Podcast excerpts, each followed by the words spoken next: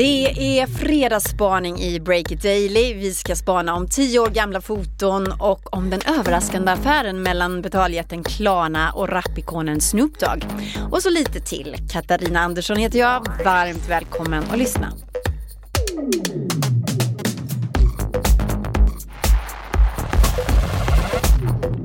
Det är fredagen den 18 januari och jag har klämt in mig i poddbåset med Breakits reporter Tobias Blixt. Hej, det är jag som ska fredagsspana. Det är jag väldigt glad för. Men först så ska jag spela våran vignett. Alltså vignetten som jag köpte eh, online. Den kostade bara 7 dollar och det är alltså en kille i Argentina som har gjort den här. Han satt och komponerade den i sitt eget vardagsrum där i Argentina. Och han sjöng också in den själv och utmaningen var ju att få till det här svenska uttalet på fredagsspaningen. Och jag tycker han fixar det.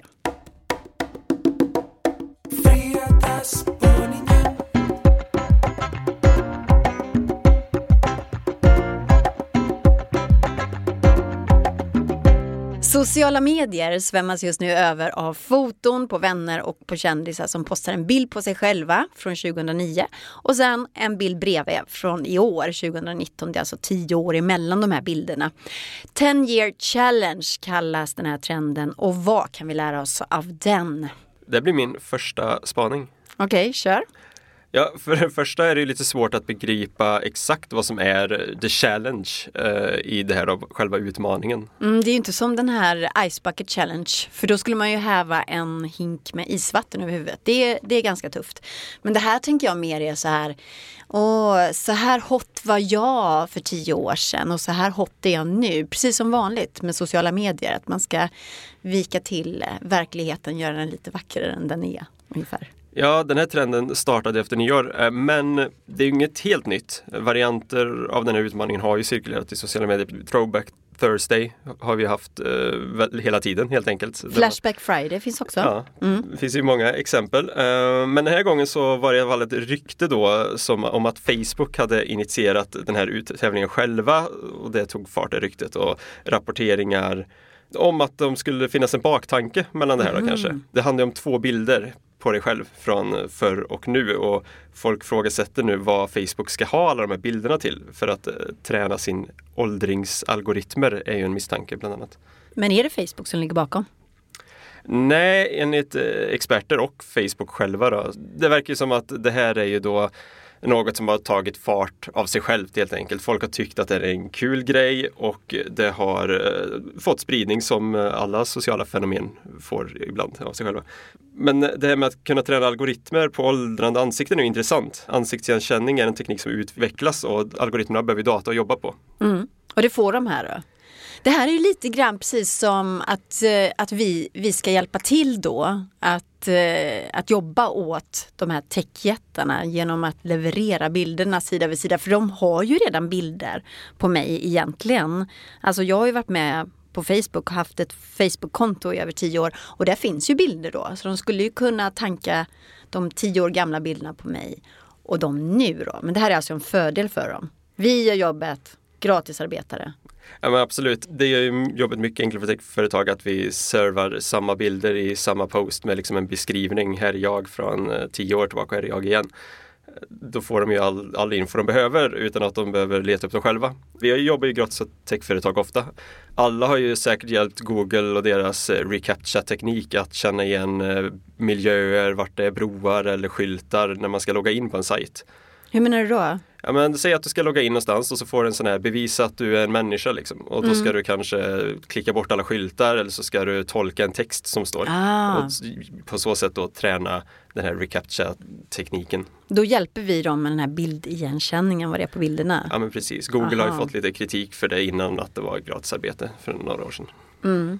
Men samtidigt så undrar jag om det finns någon risk med det här. Okej att, att man får jobba gratis då för techjättarna men att dela med sig av sin data om, om sitt åldrande är väl inte farligt egentligen. Det är inte som att posta sin kod till Swish till exempel. Det kan man ju tycka. Men i USA, liksom, där sjukförsäkringar är dyra, då skulle sjukförsäkringsbolagen kunna se om du åldras i snabbare takt än dina polare exempelvis. Mm. Och jacka priserna där och så. Det finns ju mycket den här tekniken kan användas för. Mm. Men din spaning då? Har du någon stor spaning kring den här trenden? Storspaningen är väl att folk verkar ha blivit mycket mer medvetna om att eh, man kanske inte ska dela med sig hejvilt. På ett sätt gör de det redan då eftersom den här delningen fick fart. Mm. Men samtidigt så har ju ifrågasättandet av den här challengen också fått jättemycket spridning och tagits upp, delats av väldigt många. Och man har sett väldigt många sådana poster där folk ifrågasätter och undrar vad det här ska vara till. Uh, och antagligen så är det ju exempelvis dataskandaler som Cambridge Analytica som har hjälpt oss nu att förstå att uh, tänka ett varv till. Mm. Vi är på det.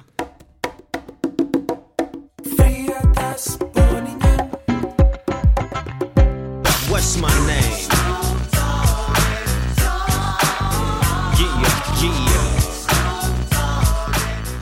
Snoop Dogg eh, snodde uppmärksamheten i veckan. Ska vi kalla honom för investeraren Snoop? För tidigare har ju rapparen från Kalifornien investerat i både Reddit och Mariana-bolaget Ease. Och häromdagen så kom alltså nyheten om att Snoop nu investerar i Klarna och så blir han Klarnas egen posterboy. Precis som eh, Zlatan för Betthard. Eller eh, Isabella Löwengrip för Natural Cycles. Mm. Men eh, vi kan ju understryka här också att det är ju inte bara ett posterboy-samarbete de ska ha här. Smooth Dog som han nu byter namn till. Jaha, han byter namn också samtidigt? Ja, ja men precis. och så blir han ju delägare i Klarna, en minoritetsägare.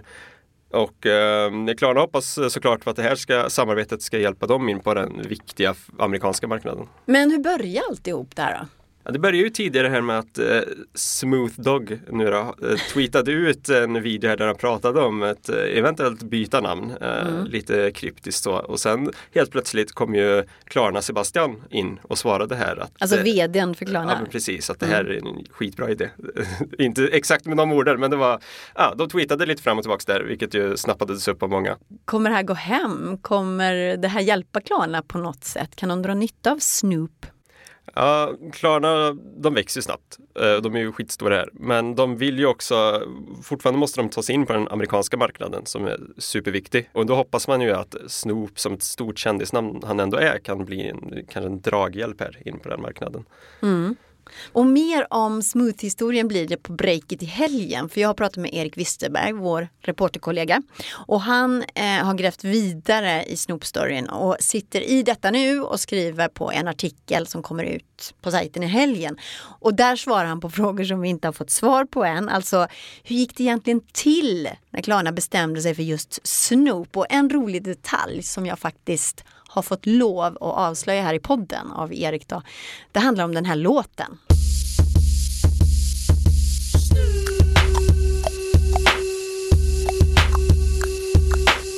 Det är alltså ett gäng på Klarna som sitter och lyssnar eh, på den här låten enligt historien. Och så spånar de kring hur kul det skulle vara om man kunde klicka på en sån här betalknapp för, för Klarna och, och då skulle den här låten börja spela. Men den skulle inte säga så här Snoop. Utan den skulle säga smooth. Alltså det är ju smidigt att betala med Klarna då enligt Klarna själva. Så så kom man på det här och eh, ja, det är väl en bra mumsbit, eller hur? Alltså för vad som vad Eriks artikel kommer innehålla. Jag vill ju läsa den direkt, känner jag.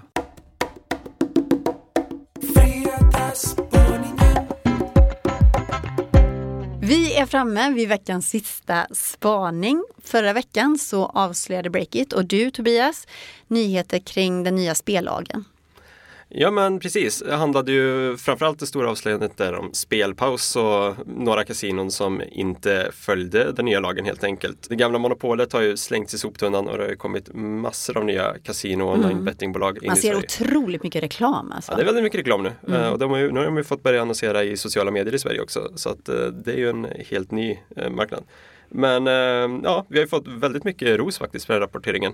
Eh, mm. Även från, eh, från spelbranschen, vilket kanske varit lite oväntat. Ja, det är väl konstigt om man ger någon ganska saftig kritik. Vad då för rosor då menar du?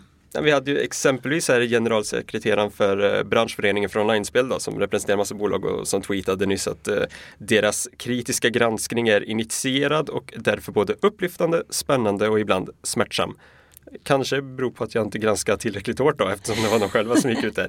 Men så vi... skrev han om Breakit. Ja, mm. uh, precis. Om vi får slå oss själva för brösten lite här då. Mm. För vår spelrapportering som vi ändå är stolta över. Men vad beror det på då tror du? Att man får beröm för en granskning av de som granskas. Det är ju första gången som de liksom får verka lagligt och rätt i Sverige liksom och komma in som en helt egen bransch.